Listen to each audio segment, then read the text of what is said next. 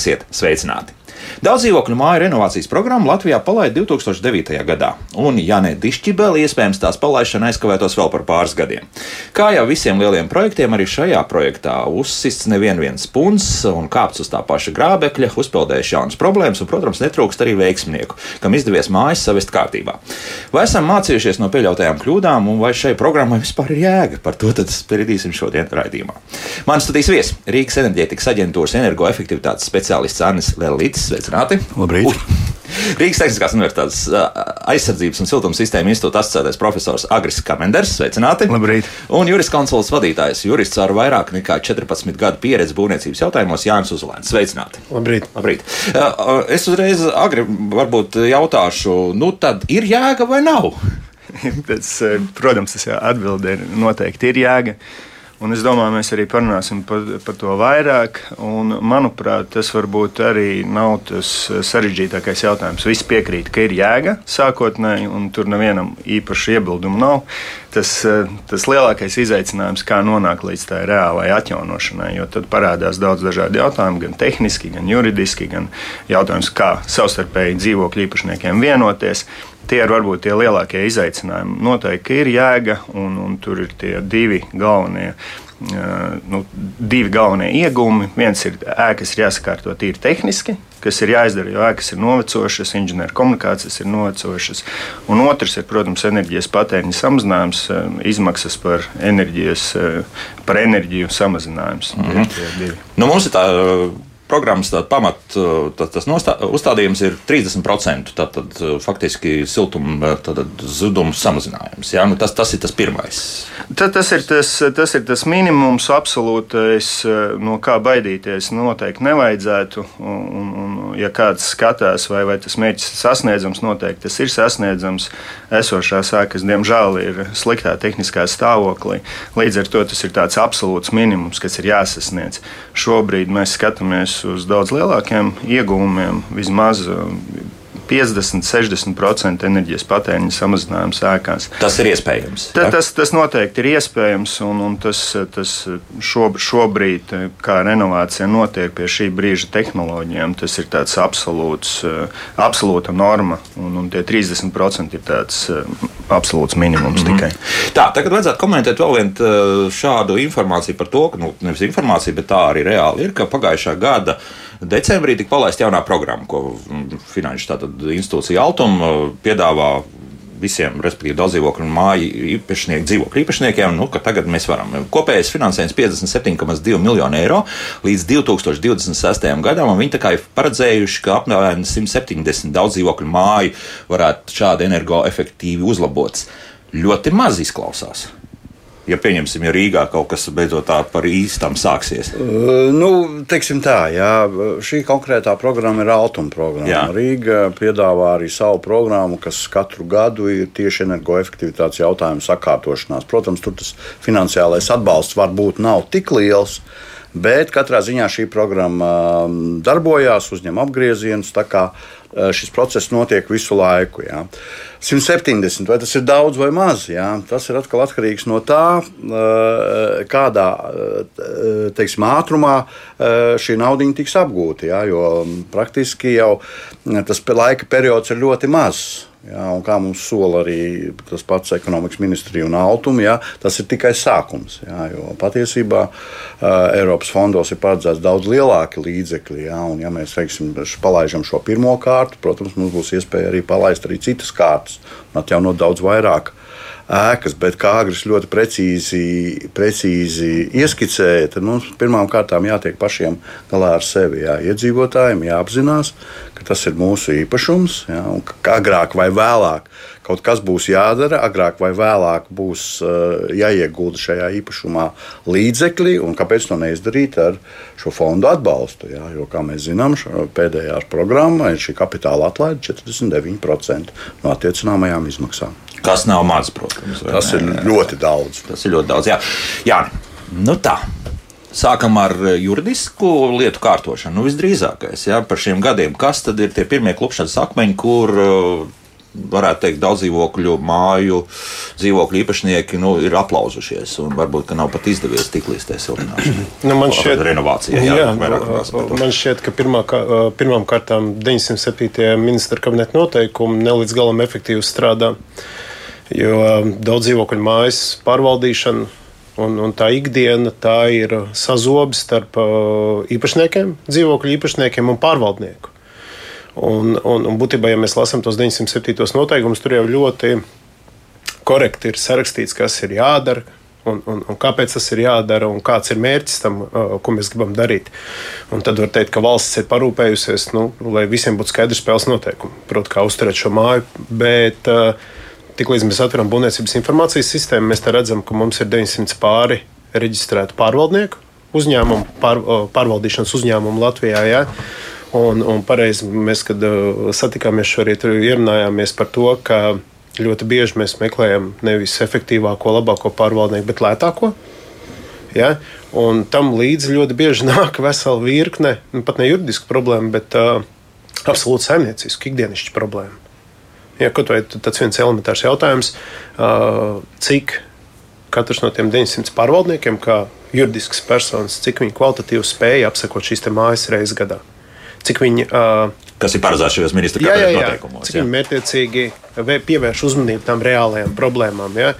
Un, un, un par tām pašām plaisām, kas te Rīgā bija Valdemāra ielā, ja? nu, tad, tad pat, pat, pat tādus pēcvārdus lasot, tu jau vari redzēt, ka nu, mēs tās plaisas redzējām. Ja, kādu jūs iedavāt šim jautājumam vērtējumu? Un, šeit nav vietas jurisprudencē, pirms tev nav doto. Proti, tehniskās izpētes kaut kādas informācijas. Ja? Un, un, un, ja pārvaldnieks palaiž garām šo uzdevumu, rast, atrast dotos, nu, tad, tad man kā juristam pēc tam sēžot un meklējot to, to vaininieku tajā strīdā, ja, nu, mēs varam aizrakties līdz bezjēdzīgam strīdam. Un, vainīgā nav. Vainīgā nav, un no tā būtu jāizvairās ne tikai vienā Valdemāra ielā, bet valstī kopumā. Jo man šķiet, ka nevajadzētu šeit ražot juridiski raksturu strīdus, šeit vajadzētu ražot dotos par katru māju. Kas mm -hmm. ar katru māju reāli notiek? Un kas viņai ir vajadzīgs, lai viņi varētu dzīvot un sasniegt kolēģi sacītos uh, efektivitātes un drošību. Pirmais ir drošība. Pirmais - drošība, bet uh, tas nozīmē, ka principā iepriekšējos gadus tas viss formāli ir veikts šādas ēku apsakošanas. Jo skaidrs viens, ka kaut kādā grāmatā viss būs ierakstīts, ka, jā, ka ir apsakots visas konstrukcijas, viss kārtībā. Nu, tā tas sanāk, ka formāli mēs izpildām visus šos kritērijus. Nu, te ir varbūt divi tie jautājumi. Viens ir tad, kad ēkas iet uz atjaunošanu, un tas noteikti netiek darīts formāli. Un, un, tiek sākts ar divām lietām. Viens ir energoaudits, kas tieši fokusējās uz tiem pasākumiem, ka, kuri spēj samazināt enerģijas patēriņu. Otrs ir, ar ko arī noteikti jāsāk tehniskā apsekošana. Šeit gan uzreiz jāatzīmē, ka pie tehniskās apsekošanas ļoti būtiski ir iedot precīzu uzdevumu, ko mēs gribam tehniskās apsekošanas rezultātā saņemt, jeb ko mēs gribam novērtēt. Un um, šajā gadījumā, tad, kad tiek gatavota tehniskā dokumentācija, ir arī pietiekoši precīzi atrunāts, kādam, kādai tai jābūt formai, kāds ir tas process. Un, un šie, šie atzinumi parasti tiek sagatavoti ar augstu kvalitāti. Cita lieta, ja mēs runājam par apsekošanu, kas ir paredzēta šī ikgadēja apsekošana, jebkuram īpašumam, jeb daudz dzīvokļu īpašumam, nu, es ne, nevaru apgalvot, ka tas vienmēr tiek darīts tikai formāli, bet noteikti tā kvalitāte tu, tur nav. Eh, es domāju, un tur noteikti to kvalitāti vajadzētu uzlabot. Jo tas ir par to, ko ir ierunājis kolēģi, ka būtu tomēr jāvērtē ēkas, kā tās ēkas tiek tehniski nolietotas, un būtu jau jā, jāsāk veidot, ja, ja vākt šie te tehniskie izpētes dati un saprast, ko mēs gribam, lai mēs nenonākam tādā situācijā, ka ir avārijas situācija būtībā. Un caur atjaunošanu mēs vēlamies novērst kaut kādu akūtu avāriju. Jo, protams, ja ir jā, jānovērš avārija, teiksim, tur kaut kāda problēma ar balkoniem vai jumtā vai, vai pamatu sēšanās. Skaidrs, ka pietiekoši, nav pietiekoši daudz laika, lai sagatavotu kvalitatīvu atjaunošanas projektu, jo tas prasa laiku savstarpēji vienoties, izstrādāt tehnisko projektu, saprast, kā nofinansēties, aiziet varbūt Rīgas enerģētikas aģentūrai vai līdz altumam, izrunāties. Tas prasa laiku. Mm -hmm. Līdz ar to jāsāk laicīgi. Tas Praktiski tas ir vairāk gadu darbs, nu, ja tā mēs tā pilnīgi tā kārtīgi pieejami. Ja? Nu, no sākuma uzkrājam informāciju, kas tomēr reāli notiek, un tad tikai faktiski ejam uz to programmu kaut kādu renovāciju. Nu, es domāju, jā. ka tas ir patstāvīgs darbs, jā. Jā, par ko jārūpējās ir, ir katru dienu. Un, un, protams, tas šobrīd eh, negribās skatīties pagātnē, kā nu tas ir bijis, tā nu tas ir bijis, bet patiesībā tam stāstam bija jābūt tādam. Tajā brīdī, kad mēs ieguvām šo dzīvokļu īpašumu savā īpašumā, mums bija jāsāk veidot uzkrājums. Jā. Protams, ka visa šī informācija ir jāvāc katru dienu, bet tas viss kaut ko maksā. Ja? Tātad dzīvokļu īpašniekiem ir jāapzinās, ka, lai uzturētu savu ēku, ir jāveido šie uzkrājumi. Un, ja šie uzkrājumi tiktu plānveidīgi veidoti ja, gadu garumā, tad katrā ziņā nebūtu stāsts par šīm milzīgajām izmaksām, kad mēs atnākam uz ēku tādu, kāda tā ir. Tehniskais atzinums konstatē, ka tur ir tāda un uh, cita rakstura tehniskas problēmas, kas ir pirmām kārtām jāsakārto, un tikai tad mēs varam ķerties pie šīs siltināšanas. Ja. Pareizais stāsts būtu tāds, ka tehniskais stāvoklis ir labs, katru gadu kaut kas tika darīts, uh, ēka tika kārtota, ja, un tad mums atliek tikai domāt par šo siltināšanu. Tad gan tā efektivitāte būtu daudz augstāka, gan arī izmaksas mazākas. Nu, labi, bet tad tagad ir viss stipri ielaists.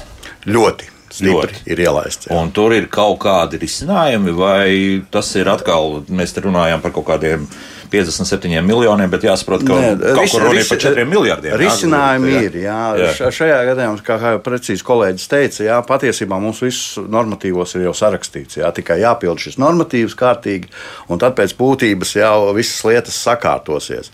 Bet nu, šobrīd gan valsts, gan pašvaldības ir nākušas ļoti, ļoti pretī iedzīvotājiem. Jā. Un, ja kādreiz bija jautājums par to, ka tas viss maksā dārgi un mēs to nevaram atļauties, un mums nav uzkrājuma, mums ir jākrāj un sākās šis bezgalīgi garais stāsts, tad šobrīd ir pieejamas programmas, kas spēj nofinansēt daudz dzīvokļu ēku īpašniekus jau visa cikla garumā. Sākot no tehniskās uh, atzinuma, uh, līdzfinansējuma, energoaudita līdzfinansējuma, Šobrīd Altuma programma piedāvā arī tehniskā projekta izstrādes aizdevumu, gan, ja, kas, kas atkal ļauj tālāk uh, piesaistīt šos programmas līdzekļus. Tālāk jau mēs varam domāt par kvalitatīvu ēku atjaunošanu. Bet tas aizdevums šobrīd nu, diezgan neizdevīgs, jāsaka, uzreiz. Ir, jo tas Eirobola likums, ja iet uz augšu, tad tur jau ir kaut kāda astoņi sāk rēķināt procentu, ja, un tas jau ir daudz nu, gadā.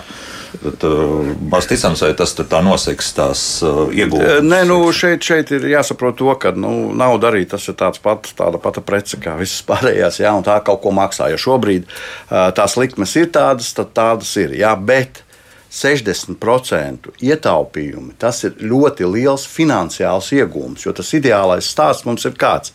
Jā, mēs ieguldamies ēkas atjaunošanā, Ja? Bet mums uh, krīt citas izmaksas. Piemēram, tas pats rēķins par apkuri. Ja? Pie šīm apkuras cenām, ja mūsu rēķins ir par 50-60% mazāks, tad tas kompensē to, uh, tos līdzekļus, kas ir ieguldīti ēkas atjaunošanā. Tad, jā, varētu būt 600 jā, ideāla, Ideālais stāsts mums gadā, ir tāds, ka mēs redzam to rēķinu. Jā. Ja? Rēķins principā ne, nav izmainījies, tikai mums ir droša uh, restartēta ēka. Ja? Bet rēķins mājsaimniecība, konkrētais dzīvokļu īpašums maksā tādā pašā apjomā, kā viņš maksāja līdz atjaunošanai. Mm -hmm. Tas ir tas, tas veiksmes stāsts, un, un principā labi realizējot šo atjaunošanas, ēkas atjaunošanu, siltināšanu, jā, to var panākt. Bet kas notika pagājušajā gadā saistībā ar straujo cenu kāpumu visam, jā, ieskaitot pakalpojumiem?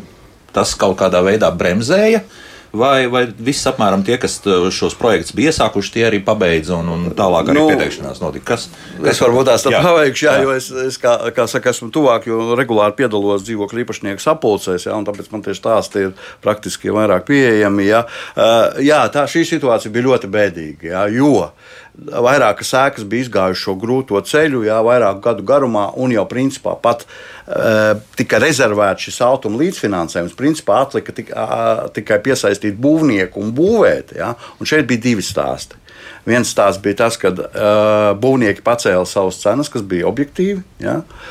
Dzīvokļu īpašnieki paskatījās un saprata, nē, mēs teiksim, šobrīd šādu cenu par ēkas atjaunošanu neesam gatavi maksāt. Apmēram par cik pieauga? Tie, tie paši 20% kaut kur vairāk? Nu, vairāk, vairāk, vairāk, vairāk jā. bija. Jā. Un, un, un, un šeit, šeit radās tāda situācija, ka iedzīvotāji paši atteicās. Jā. Mēs tālāk nevirzīsimies, pagaidīsim labākus laikus. Jā. Un kas ir bēdīgi, ka šobrīd tie paši paši dzīvokļu īpašnieki jau ar šiem gatavajiem projektiem, kas viņiem ir, viņi nu, šobrīd ir sapratuši savu kļūdu. Jā, kļūdu, jā, vajadzēja viena alga. Jā, jā vajadzēja viena alga, un, un, un šobrīd jau meklē jaunus būvniekus, un, un, un tie, diemžēl, ir vēl dārgāki. Nu, tomēr tas, ka kaut kur tās, pieņemsim, materiālu izmaksas tomēr kaut kad kritīsies, un šobrīd jau kaut kas krītas uz leju, jā, tad tas varbūt, ka beigās nu, ir vērts bija pagaidīt. Jā, nu, man šķiet, ka viena lieta ir materiāla un kaut kādas loģistikas ķēdes, bet uh, man šķiet, ka par izmaksām runājot, ir jāņem vērā nu, tāds vienkāršs piemērs. Mums ir astoņu sēriju uh, daudz dzīvokļu ēkas, kas ir celtas padomju laikos. Astoņas sērijas. Ja? Un, uh, un, un neatkarīgi no tā, ka valstī viss kaut kas tiek darīts, uh, mēs runājam faktiski par to, ka mums nav pilnvērtīgu doto, proti, informācijas, uh, kas ar šīm mājām īstenībā notiek. Un, un katra māja ir individuāla. Nu, jā. Pat ja viņi ir vienā sērijā, viņi ir individuāli, viņai ir kaut kādi faktori, kas viņu ietekmē individuālā kārtā. Jā, no paša sākuma jau viens nodot uz trīnieku, otrs četrnieku, varbūt kādus piecus. Jā, jā, jā. jā. Un redzat, man šķiet, ka tad, kad mēs runājam par izmaksām, ir baigi svarīgi, ka mēs nu, izdarām elementāras lietas, piemēram, šīs astoņas sērijas, uzdodam astoņiem inženieru birojiem, katram izpētīt vienu sēriju. Ja? Un tas šķiet ļoti pragmatisks uzdevums. Kāpēc? Tāpēc, ka jo vairāk vienas sērijas mājas pētīs, jo vairāk sāks saprast gan kopējo ainu, Tātad, ka šīm ēkām ir viena vai divas vai piecas kopējas problēmas, un katrai spēs identificēt kaut kādas individuālas problēmas. Un tālāk tas uh, sniegs iespēju arī tiem uh, speciālistiem, kas projektē inženieriem, ļoti mērķiecīgi saprast, kā to sēriju izprojektēt, tad, tad tās raksturīgās problēmas un pievērst uzmanību individuālām problēmām. Ja? Tad viens šablons, jā, jā, jā. nosacīts šablons, jā, jā. kurā ir kaut kādi mainī, ma, mainīgie, ir kopējie faktori un ir mainīgie faktori. Bet, jebkurā gadījumā, tādā veidā mēs nonāktu līdz uh, pietiekami efektīvi pārvaldītam procesam kā tādam. Šobrīd man šķiet, ka mūsu problēma, piedodiet, ir valstī tāda, ka mēs Es domāju, ka iedzīvotāji ļoti reti saprot, kāpēc viņi izvēlējušies konkrēto vienu būvnieku. Ja, ja, varbūt viņi cenā tikai paskatās. Ja? Bet, bet, nu, jau aptaujas jāveic, un pēc tam jā, jā, jā, jā, pēc tam papildināšu kolēģis. Bet, bet, bet nu, nu, diemžēl diezgan daudz ir problēma ar jau nosūtinātām ēkām, kur veidojas kaut kāda strīda un tā tālāk. Ja? Strīda par ko? Par kvalitāti, par Aha. sasniegtiem rezultātiem, un, un, un tā ir mana ikdiena. Ja? Tas jau ir pēc visa, kad viss ir pabeidzies. Bet, Bet tie ir bieži gadījumi, Jā, tagad tieši runājot par nu, nē, sākam... nu, ja mēs paņemam daudz dzīvokļu mājas Latvijā, cik ir nosiltināts, tad manā lietotībā nav pārāk bieži. Jā, nu, apmēram skatās, nu, 10% bija 2022. gadā. Nu, laikam, jā, tā arī būs. Jā, tas ir niecīgi pēc būtības. Bet man šķiet, ja mēs mērķiecīgi tā, tādā pārdomāti izpētītu izanalizētu, saprastu, kas ir jādara, uztaisītu projektus un tad ķertos klāt. Tā, tā būtu, globāli. būtu vieglāk. Ja? Man šķiet, ka būtu vieglāk, būtu mazāk kļūdu būtu vairāk būvnieku, inženieru, kas ir nospecializējušies, jo viņi zina, ka šis tirgus tagad mums būs. Nu, bet kaut kāds reklāmas es skatījos, gāja cauri, ir kaut kāda uzņēmuma, kas tur lielās, nu, viens bija, kurš jau tur pār desmit mājas jau ir šādi. Nu, bet kas ir desmit mājas? Pār desmit, nu tas tur bija 50 vai vairāk. Ah, nē, nu 50, nu, tas jau būtu ievērības cienīgi. Bet, nu, bet tāda ir. Profesor, nu ko jūs sakāt, nu tiešām, ka uztaisam tādu vispārējo šablonu par kopējiem trūkumiem, un tad tālāk var pielasīt pa, visu pārējo klāt. Jā, vēl. Nu, te, te, ir, jā, te ir divi tādi punkti. Viens ir, kā organizēt šīs atbalsta programmas, un, un eh, tas, tas netik daudz ir jautājums par to, vai dzīvokļu īpašniekiem tagad teikt jā atjaunošanai un iet šo procesu. Tad pirmais, kā organizēt efektīvāku programmu. Tas, šis jautājums ir bieži diskutēts par tifēdu projektiem. Kaut kur šādi tifēdu projekti jau eksistē, nav visām sērijām. Noteikti tas darbs būtu turpināms. Ir arī tehniskās izpētes veiktas eh, atsevišķiem tifēdu projektiem. Bet jāsaka tā, ka šobrīd jau tā atjaunošana, kura notiek ēkām, viņam notiek pēc tifēda risinājumiem. Tie risinājumi nav gluži, gluži individuāli katrai ēkai. Būtībā tie ir tifēda risinājumi. Un, un, un tas jau šobrīd notiekās. Vai to varētu sakārtot um, efektīvāk? Noteikti, jā, bet tas ir vairāk no tādas Eh, programmu, atbalsta programmu organizēšanas eh, viedokļa, kā, kā to darīt. Kas ir, kas ir informācijas glabātājs tādā gadījumā? Kas zina, kā šis teiksim, projekta tālākā renovācija notiek? Kas, kas, kas par to būtu atbildīgs? No dzīvokļu īpašnieku viedokļa. Nē, vispār kopumā, jo jūs sakāt, ka pāris tādu tipu veidu kaut kādas uh, programmas ir. Šobrīd tad... Um, ekonomikas ministrijā ir, ir veikusi tipu veidu projektiem, gan tehniskās novērtēšanas, gan arī sagatavojuši būtībā tādus tipu veidu risinājumus. Tā ministrijā var meklēt, jā, jā noteikti var meklēt, un, un arī tāpat ir Rīgas enerģētikas aģentūras pārstāvis arī noteikti var meklēt. Ir jums kaut kas, jā? Ja? Jā, protams. Jā, ir. Jā. Mhm, jā, jā, kā, jā, šāda informācija ir. Nu, jautājums par, par izmaksām, vai tas ļautu spiest tās izmaksas uz leju kaut kur, varbūt no tādas pārvaldības procesa viedokļa. Šobrīd gan es neredzu īsti ka izmaksām nākotnē, ka tās izmaksas varētu stipri kristies, jo viens ir materiāli, otrs ir eh, darbs, būnu, kas ir nepieciešams pie renovācijas, un mēs neredzam, ka algām būtu tendence samazināties. Tendence ja? samazināties noteikti algas visticamāk augs, eh, un, un līdz ar to gaidīt mirkli, kad renovācija vai ēkas atjaunošana būtu ievērojami lētāka. Es neieteiktu nevienam to darīt. Nu, bet pieņemsim, tur atkal sezonāli skatīties, jo nu, arī būvniecībā tomēr sezonalitāte pastāv. Jā, un pieņemsim, nu, kaut kādā nesezonā kaut ko sākt. Līdz ar to tos būvnieks iesaistīt kaut kad vairāk ziemā un tad tā, tā šādi iet uz priekšu. Nē, nu tas, tas kā, kā pie jebkura pirkuma, arī, protams, pie, pie šāda projekta vadības loģiski, ja ir vairāk laika un ir iespēja ap, veikt aptauju pilnvērtīgu, nokonsultēties ar vairāk speciālistiem, noteikti tas palīdz. Un, un noteikti var atrast, atrast būvnieku, atrast to sadarbības partneri, ar kuru tad var precīzi arī pēc tam precizēt vēl eh, risinājumus, precizēt vēl paredzētos materiālus un, un mēģināt optimizēt, ko, optimizēt šīs kopējās izmaksas. Mm. Jā, vēl atgriežoties vienu soli atpakaļ, vai ir kaut kādas rindas veidojas uz šādu ēku tehnisko faktiski apsekošana. Vai speciālisti ir pieejami visu laiku, vai, vai nu, tad... Es domāju, ka es atbildēšu, ka jā, speciālisti ir pieejami visu laiku. Jā, protams, nu, ja mēs runājam par naudu, iespējams šīs tirgus svārstības, kādreiz kaut kas maksā mazliet dārgāk, kādreiz mazliet lētāk, jā, bet speciālisti ir pieejami visu, visu laiku. Un ko es vēl gribētu piebilst par tiem tipveidu projektiem, jā. varbūt paskatieties mazliet savādāk uz to. Šobrīd jau ir izveidojusies uzņēmēju grupa, kas specializējas tieši daudzdzīvokļu ēku attīstībā atjaunošanā. Un ko tas nozīmē? Tas nozīmē kvalitatīvs tehniskais atzinums, energoaudits, projekts, būvniecība. Ja? Un šajā gadījumā tas jau izslēdz daudzus tos momentus, kad mēs nu, neuzkāpjam uz tiem grābekļiem, ja, kas, kas varbūt tās ir, ja mēs to darām pirmo reizi.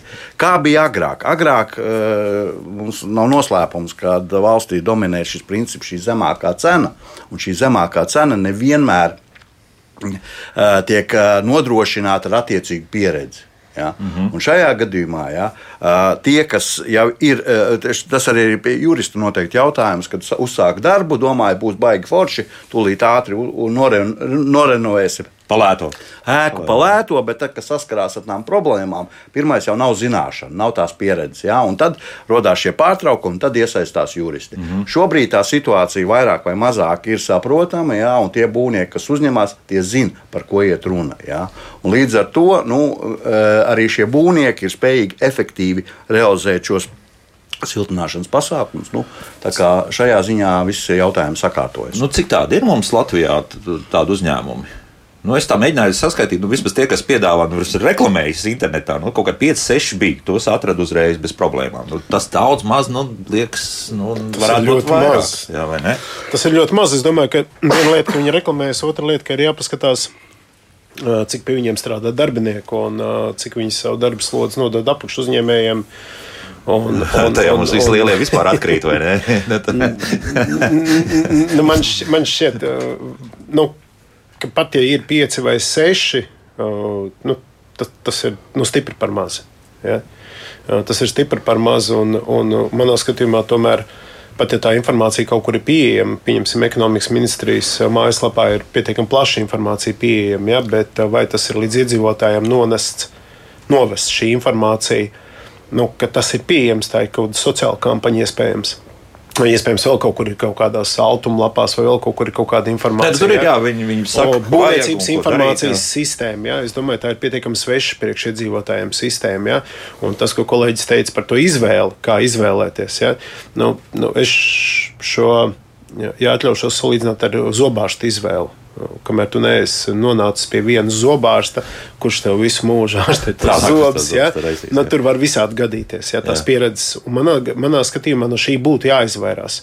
Un tā, tas tā manā acīs ir valsts uzdevums pēc iespējas nodot šo informāciju sabiedrībai tā, lai viņi būtu pieejami maksimāli daudz un dažādos veidos. Nu, nezinu, sociālos tīklos cilvēki pietiekami daudz izmanto sociālos tīklus. Ja? Veci gadagājumi cilvēki uh, joprojām klausās Latvijas radio vai, vai, vai, vai kādu citu uh, avotu. Ja? Nu, tad, tad pēc iespējas plašāk ir jānonāk šī informācija, lai visiem būtu apmēram līdzīga tā doma, kad, kur tad meklēt izpratni. Jā, atkal šabloniņš kaut kāds. Jā, jā, jā. jā. jā, jā. jā es gribētu papildināt, jā, ka nu, nav tā situācija tik bēdīga, ka to informāciju nevarētu atrast. Jā, jo ekonomikas ministrijai ir, ir ļoti, ļoti iecienīts tāds resurs, kā dzīvot siltāk kur jā, jā. patstāvīgi tiek eh, dota šī informācija sociālajos tīklos, tiek patstāvīgi uh, rīkoti dažādi semināri gan, gan iedzīvotājiem, gan pārvaldniekiem. Jā, Rīgas enerģētikas aģentūra, ko es pārstāvu, mēs esam izveidojuši tādu kā vienas pieturas aģentūru, lai iedzīvotājs jebkurš var pieteikties šai konsultācijai. Mēs principā sastādām šo ēkas atjaunošanas plānu jau gan uh, ar atsevišķiem iedzīvotājiem, gan ar valdes pārstāvjiem, jā, un pat nodrošinām nodrošinām bezmaksas jā, dalību šajās sapulcēs, jā, jā, lai būtu kā tā trešā persona, mm -hmm. kas iedzīvotājiem skaidro ja? šos jautājumus. Jā, lai nav tā, ka ļoti bieži ir tā, ka tā iniciatīvas grupa uzsāk šo procesu, un tad tie pārējie iedzīvotāji, nu, šiem tad noteikti ir kāda interese kaut ko vēlās. Mēs vienkārši saliekam to visu pa plauktiņiem, izstāstam, kas, kā, kāpēc. Jā, varbūt tās mazliet mums uh, pietrūks tas, tos, mēs nevaram apgūt tos klausītājus, jā, daudz dzīvokļu ēku dzīvokļu īpašniekus, kur tiešām nelieto šos sociālos tīklus. Jā, tas ir jautājums, bet nu, attiecīgi arī mēs pie tā strādājam. Arī ir apmācības programmas, kur mēs aicinām arī klātienē, jā, gan, gan vecāka gada gājuma cilvēkus, jā, un apmācām, stāstam par tiem procesiem. Jo jāsaprot, ir pats galvenais, ka mēs neko nevarēsim uzspiest dzīvokļu īpašniekam. Dzīvokļu īpašniekam ir jānonāk pie šī pie šī lēmuma, jā, es šobrīd gribu kaut ko darīt. Tad es saprotu, ka jā, man ir iespēja, ka man pat palīdz gan ar finansējumu, gan ar zināšanām, gan, gan arī novada visu šo procesu. Jā. Kas attiecās vēl arī ar, par informācijas pieeju, tad Altuma mājaslapā ir lielisks tāds resurss, programmas apguves dati. Uh, Tātad, ja mēs ieejam šajā mājaslapā un uzspiežam, tad tur atverās šis Excelīts jaukais, kur ir ļoti daudzi speciālisti norādīti, kuri ir nodarbojušies tieši ar ēku atjaunošanas projektiem, tieši uh, automa programmā. Ja? Mm -hmm. Tas ir ļoti labs resurs iedzīvotājiem, ko iedzīvotāji ļoti bieži izvēlās arī atlases gaitā, kad atlasa kādu speciālistu. Bet tur tā kritiski tiek izvērtēts, jo skaidrs viens, ka pašā sākumā tur tas kļūdas tika pieļauts. Ja, ieskaitot to, nu, pavisam elementāri, ka tiešām tiek aplikts viss apkārt ar izolācijas materiālu. Skaisti viss izskatās, durvis nomainītas, logi nomainīti, bet vispārējais netiek izdarīts. Nu, tādas tie visi ir izķerti. Tā. Nav, Šo, ja? Šobrīd Agris ļoti precīzi pateica, pamats dokuments, pirmais dokuments, ar ko mēs sākam, tas ir tehniskais atzinums. Jā. Ēkas tehniskā apsakošana. Tā norāda uz visām tām lietām, ja, kas, kas attiecās uz konstrukcijas pamatiem, uz, uz jumtiem, bēniņiem. Ja. Tas ir pirmais. Ja. Tātad, kas radās no šī dokumenta? Pasākuma plāns. Jā, tātad, jā, tas ir pasākuma plāns. Tā ir pirmā daļa, kas mums tālāk pāries uz būvprojektu. Otrs jautājums ir energoaudits. Tas ir atkal, kur ir šie, šie siltuma zuduma jautājumi, inženiertīkli, apkures sistēma. Ja? Atkal tas ir otrs pamatdokuments, un šie divi pamatdokumenti dod mums šo pasākumu plānu, ko mēs ieliekam būvprojektā. Un, ja būvprojektā tas viss ir ielikts, tad celtniekam principā nav manevru. Viņam ir jāizmanto gan tās tehnoloģijas, gan tie materiāli, ja? gan jāveic darbi tādā kvalitātē, kā norādīts būvprojektā. Nu, labi, un, jā, un jā, ne, nu, tāds smaidiņš bija. tas ir tā tāds, ide, tas ir tāds ideālais scenārijs. Un, un, es, es piekrītu, ka ideālā scenārijā, ja mēs dzīvotu ideālā vidē, kur visi visu dara godprātīgi, tad tas tā arī noteikti būtu. Ja? Bet, Mm, nu, sāksim, tur divas lietas izskanēja tikko. Pirmais ir par informācijas pieejamību. Man liekas, Tad raksta, ka nesot, nevarot atrast. Man, man, manā, jā, manā, man, manā skatījumā nu, jāņem ir vienkārši algoritms iedzīvotājiem. Tuvākais ir kaimiņš, tad ir pārvaldnieks, tad ir pašvaldība, un tad tikai nāk valsts. Nu, tad, tad šai informācijai iespējams ir jābūt savādāk nonestai. Ja? Līdz iedzīvotājiem. Ir forši, ka tur altumi ir ekonomikas ministrija, bet ticiet man, nu, teiksim, tādam vienkāršam cilvēkam, kurš ikdienā par to nedomā, viņam, es domāju, ka ir pietiekami grūti atrast šo informāciju. Tajā pašā laikā, ja mēs ievērojam tā algoritmu, iedzīvotājs, nama kaut kāda kopsapulce, pārvaldnieks. Jo tas ir pirmais jautājums. Ko mēs darīt ar to visu? Jā, jā to jā, mēs, mēs nododam informāciju. Jā. Otra lieta ir par šiem. Sākot ar tehniskajām izpētēm, būvprojektiem, būvdarbiem ar šo kvalitāti. Man šķiet, ka būtu vērtīgi, ka ne tikai tiek norādīts, ka tas būvnieks ir labs, būvnieks A ir labs, būvnieks B ir slikts. Man šķiet, ka būtu ar uh, pietiekami izvērsta informācija jāpamato, kāpēc viens ir labs, kāpēc viņu izvēlēties.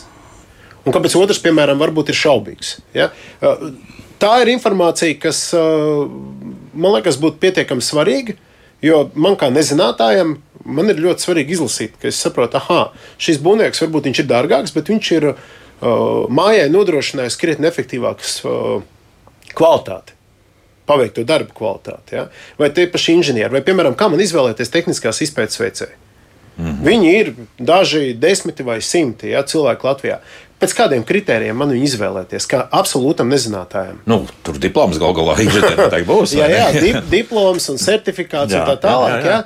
Bet uh, izrādās, ka viens inženieris ir uh, pietiekami vērīgi piegājis lietai un sagatavojis tehniskās uh, izpētes atzinumu un pietiekami kritiski sniedz šo informāciju, ko darīt tālāk. Otrs ir piegājis varbūt uh, radošāk, jā. radošāk un sniedz šo informāciju nu, pavisam mīkstāk. Ja? Bet tur iespējams arī tā, ka inženieris atnāk, Viņš redz tās problēmas, ka tur ir pāri galvai, bet, nu, ja tajā programmā mēs īsti nelienam iekšā, tad apmēram saka, nu, jums tur tās problēmas ir, bet mēs viņus tā kaut kā aizplīvoti nomaskēsim un atstāsim tikai to, kas ir svarīgs attiecībā uz siltināšanu. Nu, tā nevar profesori būt gadījumā. Mm, šobrīd, Nāk pretī. Es domāju, šobrīd tā vairs īsti nenotiek. Un, un te atkal ir tās divas grupas. Ir viena grupa, varbūt tie dzīvokļu īpašnieki tie, kuri grib atjaunot, tie, kuri saprot, ka ja mēs ejam šo procesu, tad es domāju, šajā gadījumā informācija ir pietiekami daudz pieejama. Eh, ir iespējams nokonsultēties, ir iespējams saņemt konsultācijas par velti. Un ir iespēja izvērtēt un atrast tos pieredzējušos gan projektētājus, gan būvzraugus, gan arī pēc tam būvnieku un šo procesu novadīt. Tas ir šajā gadījumā, ja ir pieprasījums. Ja mēs skatāmies no tāda dzīvokļu, nu, ja daudz dzīvokļu ēku atjaunošanas kopumā, kā valstī, ko mēs darām ar šo problēmu, tad lielā problēma nav jau šī pieprasījuma. Un, un Ko darīt šajā gadījumā, ka nav pieprasījuma, ja nav vēlmes atjaunot? Tur ir tā problēma. Tad rindas nav. Tad, ja? tad, kad, tad, kad ir vēlme Eh, renovēt, tad informācija ir pieejama ļoti daudz šobrīd. Ļoti daudz informācijas. Problēma ir ar iedzīvotājiem, jeb, eh, ko darīt, kā radīt pieprasījumu. Un, un, un tas gan ir tāds jautājums eh, ļoti sarežģīts, un manuprāt, visticamāk, mēs tomēr nonāksim līdz situācijai, ka būs sava veida piespiedu kaut kādi mehānismi jāveido valstī, jo pretējā gadījumā skaidrs, ka mēs tās ēkas nesakārtosim. No, aizējām uz Poliju, ko viņi izdarīja, ja nemaldos pirms gadiem 20. Jā, vienkārši obligātā kārtā pateica, ka cauri būs, jūs siltināsim, un, un nav vispār nekāda cita doma. Bet uh, šobrīd jau arī mainās. Tad dažos labos likumos un ministra kabineta noteikumos būs izmaiņas, un, un principā lēmumu pieņemšana mājā būs krietni vieglāka. Jā. Nu, tā es, es varu saprast. Nu, jā, tas tā. ir tas ceļš uz to noteikto, nu, lai tā būtu šis. Nu, piespiedu nosauksim, jā, tu par to piespiedu maksā. Šo piespiedu, jā, procesu, jā, kad šī ēka ir jāatjauno. Jo, jo ēkām ir energoklases, jā, un, piemēram, nosakām, ka ēka nedrīkst būt zemāka par tādu un tādu energoklasi. Jā. Tas jau citādi nosaka, mums ir kas ēka. Ir citādi tiek paliek, palielināts, piemēram, nekustamā īpašuma nodoklis. Tas ir paaugstināts. Jā. Jā, protams, nu, līdz šim mēs visu laiku nu, pieņēmām, kad iedzīvotāji grib to darīt. Jā, bet, mm -hmm. bet nu, šeit ir tāda, ka tā pasivitāte, diemžēl, diemžēl ir tāda. Jā, un es papildinot mūsu kolēģi, jā, vēl gribu pateikt, ka kā būtu jārīkojas daudz dzīvokļu īpašniekam, kurš neko nezina un neko nesaprot. Pirmkārt, viņam būtu jāgriežas pie sava pārvaldnieka. Un vēl labāk, ja, ja ēkā būtu biedrība, kas, kas pārauga šo ēku, ja, kas ir uzņēmusies šo ēkas tātad, pārvaldīšanas procesu, uzraudzīšanu ja, un spēja inicēt uh, visus šos procesus. Ja. Jo, kā mums rāda citas Baltijas valstu pieredze, piemēram, tā pati Igaunija, ko mēs piesaucam, ja, tur 90% ir biedrības katrā ēkā. Ja, attiecīgi, attiecīgi, līdz ar to ir daudz, daudz vieglāk vieglāk šos procesus pieņemt. Tāpēc, jo, ka ir pārstāvji visu laiku. Tāpēc, jā. ka ir pārstāvji, jā, un viņi zina savu ēku, šo jā. konkrēto ēku, jā. un kas vēl ir būtiski, iedzīvotāji uzticās šiem pārstāvjiem. Jā. Jo tas arī ļoti svarīgs moments ir. Jā. Nu, tad tie procesi, protams, notiek vieglāk. Jā.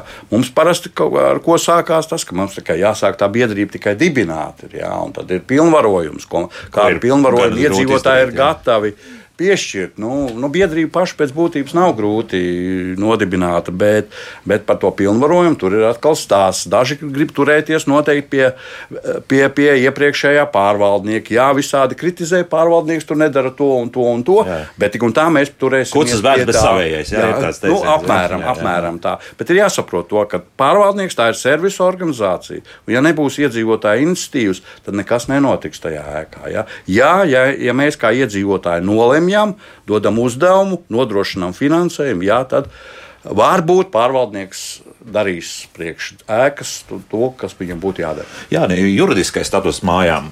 Tas tomēr kaut kādu lomu spēlē, kas tur īsti ir. Ne, nu, tas viss... ir nu, neaizskarams. Jā, Tādā ziņā, jā, bet, nu, pieņemsim, nu, es skatos, ka mežciemā, nu, burtiski mikrorajons Rīgā, kur nu, liekas, divas, varbūt tagad šobrīd būs drusku vairāk, ja mājas, kas ir nosildināts. Nu, viena no tām bija sauc, kādreizē kooperatīvā māja. Nu, viņi kaut kā tomēr saņēmās un to izdarīja.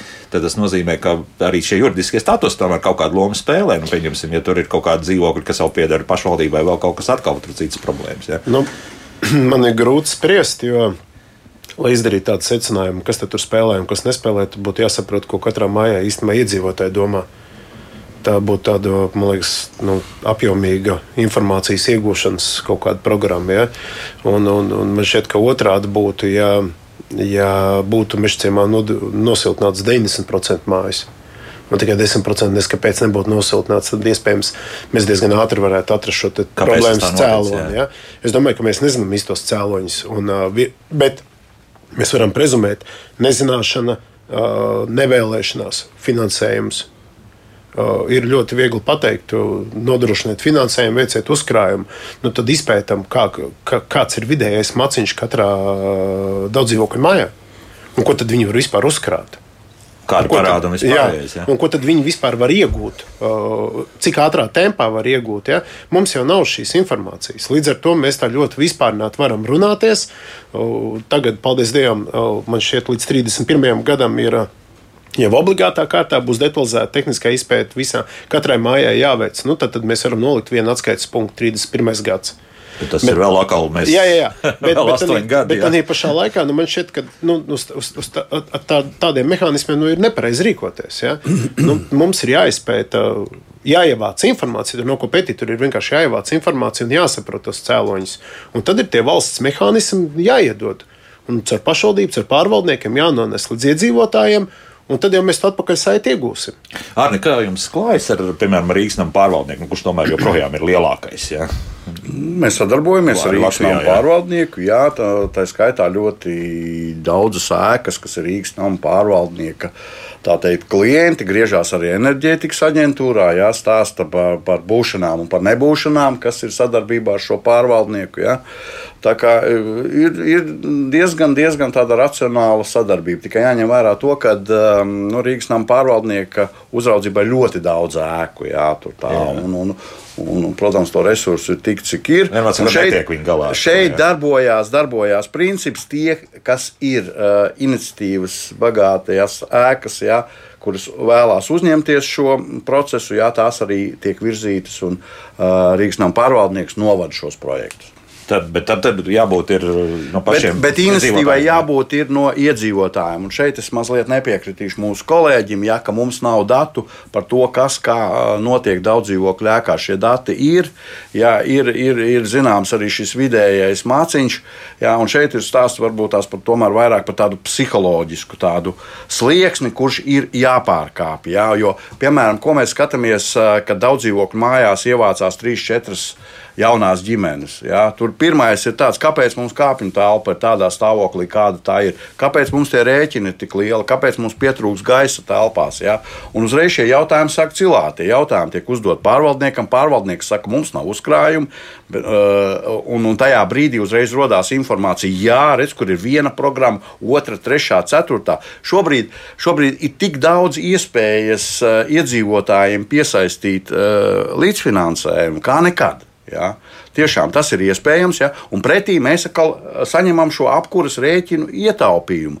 Mēs saņemam pretī ietaupījumu par elektrību, ja mēs attiecīgi sakārtojam arī šos inženieru tīklus. Ja? Un tā ir visa dzīva nauda, kas sēdz mums tās ieguldītās investīcijas. Bet, ja, ja mēs redzam to kopējo listi tagad ar tām izmaksām, tur varbūt aiziet nu, pārsimt tūkstošos bez maksas. Nu, protams, protams, protams, kad, kad vecā māte pensionāri, kad viņi ierauga tāmi divi ar pus miljoni, ja? un, nu, protams, ka tie cipari ļoti samulsina. Jā. Jā, jo, piemēram, es tagad lasīšu, mums ir daudz komentāru mājaslapā un arī jautājumu. Nu, piemēram, jā, apkur ir zemāk, acīm redzot, mums raksta kāds, kam ir uh, viss jau noticis, respektīvi, ēka renovācijas process, bet 40 eiro uz 10 gadiem kredīts gan neviens nav atcēlis, un uz kopējā rēķina es to neizjūtu. Lūk, jā, ka, kā liekas, nu, kas 40 nu, eiro? Ir taisnība.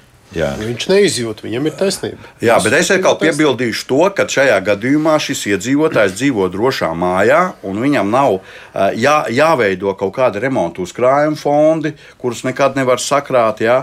Nu, principā es domāju, ka tas varbūt tās arī maksā. Nu, šeit konkrēti būtu jāredz tas konkrētais rēķins, kā tur viss ir. Bet tas jau neatsaka, ja mēs pat šobrīd renovējam šo māju, tāpat mums uzkrājumi būs jāveido neizbēgami, jā, jo tā māja jau jaunāk nepaliks uz tā rēķina. Jā. Nu, tieši tā. Jā profesori. Jā. Ska, nu, mēs jau pieskārāmies šim jautājumam. Es teiktu, tur sākot ar to 2009. gadu, senā pagātnē nosacīti, tad, protams, tas fokus bija tikai energoefektivitāte. Mēs arī šādā te, nu, no šāda skatu punkta arī skatījāmies ieguldījumi energoefektivitātē, cik mēs varam samazināt enerģijas patēriņu un, un kā tas kopējs rēķins izskatās. Šobrīd tomēr, es domāju, un arī to lielākoties visi saprot, pirm, pirmām kārtām mēks jāsakārto tehniski. Tas ir ēkas atjaunošana. Un, protams, veicot ēkas atjaunošanu, tad sakārtot visas inženieru komunikācijas, tās pašas kāpņu telpas, kur nu, tur nav nekādas enerģijas patēriņa ietaupījums. Ja jūs uztaisat skaistu kāpņu telpu, bet tas vienkārši arī ir tīri patīkami no tādas dzīves kvalitātes viedokļa. Un tad, protams, mēs arī varam samazināt šos enerģijas patēriņa rēķinus un, un, un mēģināt izlīdzināt šo maksājumu. Tad, kāds ir šis konkrētais maksājums. Skaidrs, ka ir jāskatās katrai ēkai e, individuāli. Būs, kur maksājums kopējais nemainās, būs, kur varbūt viņš pieaug, ir, kur viņš var būt mazāks. Tagad tās situācijas var būt ļoti atšķirīgas. E, bet e, nu, vai, vai tas ir tāds biznesa projekts ar īsiem atmaksāšanās termiņiem? Noteikti, tas tā nav. Tas ir tāpat kā ģimene izdomā iegādāties jaunu mājokli. Nu, jautājums, kāds tas ir biznesa projekts? Ja, tas ir dzīves kvalitātes projekts. Um, un, un, un, un tad, Nākamajiem, nu, pieņemsim, 20 jautā, ja, jautājums, vai mēs to varam atļauties, tas ir tas. Ir tas un, un šis, šis ziņa no Rīgas enerģētikas aģentūras ir, ka pie šī brīža atbalsta mēs to varam atļauties. Noteikti vajag rēķināt līdzi un skatīties, vai to varam, un tad skatīties, kas ar to maksājumu notiek notiek. Vai tas maksājums saglabājas esošā līmenī, vai tas pieaug, un ja pieaug, tad par cik. Un tad atkal domāt, un kāpēc. Un, kāpēc? À, jā, un kāpēc? Jā.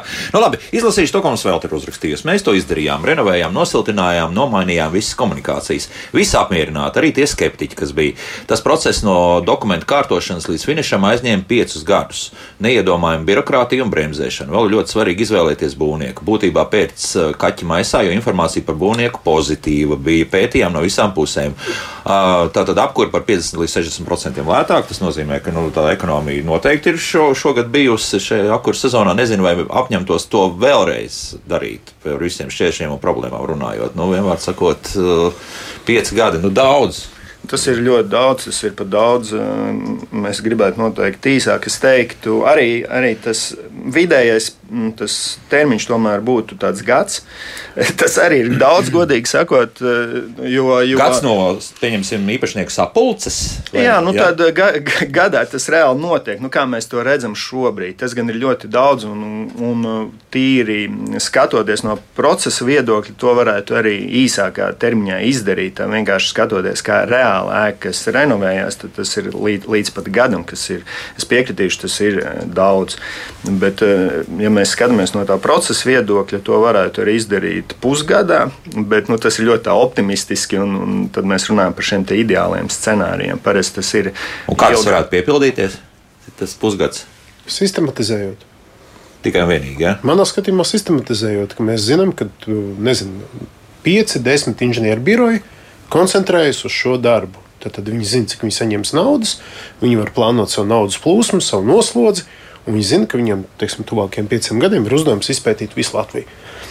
Tanī brīdī ir pilnīgi skaidrs, ka, ka jā, mēs to varam izdarīt. Tad samazinās, jā, jā, un tad jā. samazinās tas termiņš, un mēs iegūstam kaut kādu bāzes informāciju. Mm -hmm. Ne tikai par vienu, divām, desmit mājām, bet par kopējo dzīvojamo fondu visā valstī. Pirms pāris gadiem mēs arī šeit raidījumā runājām par tādu iespēju, nu, ka principā. Es pat neteiktu, nu, ir projekta attīstītāji, kas, kas uzņems visu darīt, ja, no A līdz Z. Tas šobrīd kaut kādā veidā strādā. Nu, projekta attīstītāji vecajās daudzdzīvokļu mājās, nu, tas varbūt tas nav projekta attīstītāja stāsts, jo ir mazliet uh, apgrūtinoši priekš šādiem attīstījumiem šo lēmumu pieņemšanu. Jā. Nu, negrib, negrib ņemties ar tiem iedzīvotājiem, gatavot šos lēmumus, vākt šīs piekrišanas. Labāk ir uzbūvēt jaunu ēku, jā, jā. Uzbūvēt, prognozējumu ienākumu, jā, realizācija, būvējam nākošo ēku. Šeit varētu būt stāsts, jā, ja tiešām teiksim, no valsts puses sekot tāda iniciatīva, ka tas būtu tāds brīvprātīgi piespiedu pasākums, jā, ka visām ēkām ir jāsasniedz noteiktā kaut kāda energoklase, ja, tad mēs varētu pāriet uz tādu kā kvartālu atjaunošanu. Tas ieinteresētu lielos būvniekus, ja, varētu būt šīs izsolāmās lotes Ja, kad piemēram nu, atjaunojam vienlaicīgi nevis vienu, divas ēkas, bet ņemam piemēram desmit ēkas kaut kādā noteiktā kvartālā. Ja. Tā, tā būtu tā nākotne, ja, un tas tiešām, tiešām arī šo procesu, procesu pātrinātu un varbūt pat samazinātu izmaksas. Ja. Mm -hmm. Papildus tam nāktu, jā, un papildus tur nāktu labas tādas, tādas iespējas arī sakārtot apkārtējo vidi, modernizēt. Jā, mēs nav noslēpums, kas darās uh, vecajos daudzdzīvokļu rajonos ar, ar ar šīm autostāvvietām, jā, no, jā, kur ir jā. traģēdija. Jā. Tā, kā, tā kā visas šīs problēmas iet roka rokā. Jā. Kā, kā to visu darīt tālāk? Nu, labi, es lasīšu šobrīd Jānis to, ko mums uzrakstījis. Nē, esam Rīgā, esam lauki ar daudz dzīvokļu mājām. Jautājumi. Pirmais, kā panākt, lai visi kopīpašumu biedri piekrist ēkas renovācijai? Runāt, runāt, runāt, pārliecināt, rādīt labos piemērus. Ja? Mēs, kā enerģētikas aģentūra, esam sapratuši arī, ka jā, mēs varam daudz operēt ar cipariem, jā, ar statistiku, jā, stāstīt par iegūmiem, jā, bet viss vislabāk strādā šie labie, labās prakses piemēri. Jā? Un, un mēs tāpēc bieži aicinām savos semināros jā, tieši, tieši tās ēkas pārstāvis, kas ir izgājuši šo procesu. Jā, tas nav bijis viegli. Uzreiz pastāst, kas bija grūti, kas varbūt tās neizdevās, jā, cik ilgi tas gāja. Un, un, un, un tie ir tie, tas ir tas materiāls, informatīvais, kas arī pārliecina. Mm -hmm. Viņš tālāk raksta, zinām, par procentiem, vairākumu un tā tālāk, bet pēc renovācijas tas pats bļaurs uzdrošinās nemaksāt. Respektīvi, tie, kas ir pret, tad viņi arī, nu, tad ko, tad tiesu nu, tā, tā jau ir komunālo maksājumu. Tur ir problēma. Nu, ne, Bet tas ir tas pats praktiski. Jā. Jā. Nu, jā. Man, man šķiet, ka tas ir tāds uh, jau tiešām šī individuālā cilvēka atbildības jautājums. Un, ja nemaksā, nu, tad piedodiet, jāpiedzana tā, kā to likums paredz. Ja? Bet uh, man šķiet, ka. Nu, Vajadzētu mērķiecīgi mēģināt izvairīties no, no šāda tipa problēmām. Un manā skatījumā nu, cilvēki ir jāpārliecina. Varbūt es piekrītu kaut kur brīvprātīgi, piespiedu kārtā, dažkārt, ja savā laikā atcerieties, kā tas bija ar oktām. Mm -hmm. Vieglajām automašīnām, ja, kāda bija bļaušana un, un kāds bija protests un kāpēc man to vajag un tā tālāk. Nu, protests bija sākumā par to, ka bija ļoti augsts uzreiz tā ostas cena. Jā, jā, jā. Nu, protams, bet uh, es domāju, ka cilvēkam jebkas ir, uh, kas viņam ir no jauna jāmaksā, tas viņam ir dārgi. Vai, vai kāpēc man to vajag? Tie taču ir dabiski cilvēku jautājumi. Ja? Nu, bet tā pašā laikā, ja māja ir sasniegusi zināms rezultātus un joprojām kāds izceļas un saka, ej, ziniet, paldies, jūs varat maksāt manā vietā, nu, tas ir izteikti nekorekti un tur nekas cits kā jāpiedzen. Mm -hmm. Uģis mums jautā, vai dzīvojamās mājas energoefekti energocertifikāti 2019 izmaiņas ir tik būtiskas attiecībā uz altumu jauno periodu, vai ir iespēja veco energocertifikātu pielāgot jauno certifikātu prasībām bez būtiska finansējuma? Mm, tur ir jautājums, cik tas vecs tas energocertifikāts ir, Jā. bet tik tiešām, ja tas energocertifikāts ir nu, nosacītu, piemēram, dažus gadus vecs, tad noteikti tas pielāgošana būs nepieciešama. Jo jaunās būvnormatīva prasības ir, ir savādākas. Jā, tad ir. būs jāpārskata gan siltumizolācijas slāņa biezumi, Latiņa ir uz augšu pats. Gan sasniedzamie rādītāji, jā. Latiņa būs augstāki. Praktiski jātaisa no jauna. Jā. Nu? Nu, tas nebūs pilnīgi no jauna jātaisa, bet noteikti jāpārskata, jo nu, teiksim, visas nu, konstrukcija aprēķins kā tāds, visi izmēri noteikti ir saglabājušies, bet jā, tas, tas audits būs jāpārtaisa. Jā. Mm -hmm. nu, mums vēl tā arī raksti jā, par to kredītu uz 15 gadiem, bet tas tika nosakts ar zemu apkursu maksu. Ļoti iespējams, jā, ka arī šī apkurss sezona daudziem ir bijusi nu, tāds atvieglojums tiem, kas jau ir šo sākumu. Nu, es vēl varu piebilst, ja, ka nu, teiksim, šis pirmais kredīts ir paņemts uz 15 gadiem, un parasti pēc 10 gadiem vienmēr ir iespēja pārkreditēties un varbūt tās pastiept to laiku garāku, bet to attiecīgi uz mājsaimniecību šis maksājums var kļūt mazāks. Tad no 40 līdz 30. Tā kā arī mazāk. tur ir iespējams manevrs. Bet tur atkal vajadzīgs ir labs profesionāls, kas to visu labi māca sakārtot, teiksim, bez, bez pēdiņām. Vienkārši nu, tā, tiešām sakārtot sakārtot, lai zina, nu, kur kas ir izdevīgāk. Es domāju, profesionāļus var atrast. Jā, galvenais jābūt ir, nu, vēlmei kārtot savu īpašumu, jā, un jājūtās sava, sava īpašuma saimniekam. Tad jau atradīsies gan speciālisti, gan informācija, gan arī vispārējie mm. risinājumi. Nu, mums te skatos mājaslapā pietiekami daudz rakstu par to saucamo katru individu atkal ietekmi uz šo visiem procesiem, bet iespējams par to mēs runāsim arī kādā citā raidījumā. Šodien vairāk mums vienkārši laika nav. Tāpēc saku paldies Rīgas enerģētikas aģentūras energoefektivitātes speciālistam Arnim Lelītim, RTU vidas aizsardzības un sistēmas eh, institūta asociētam profesoram Agrim Kamenderam un juris konsultam un vadītājam juristam ar vairāk nekā 14 gadu pieredzi būvniecības jautājumos Jānim Uzlēnam par sarunu. Eh, kā jau teicu, raidījumi būs un eh, runāsim arī tur, turpmāk un būs daudz, par daudz par ko runāt. Šis ir tikai pats, pats sākums. Līdz rītam! Rīt par dzirdes problēmām. Atā. Lai labdien! Vislabāk! Mm.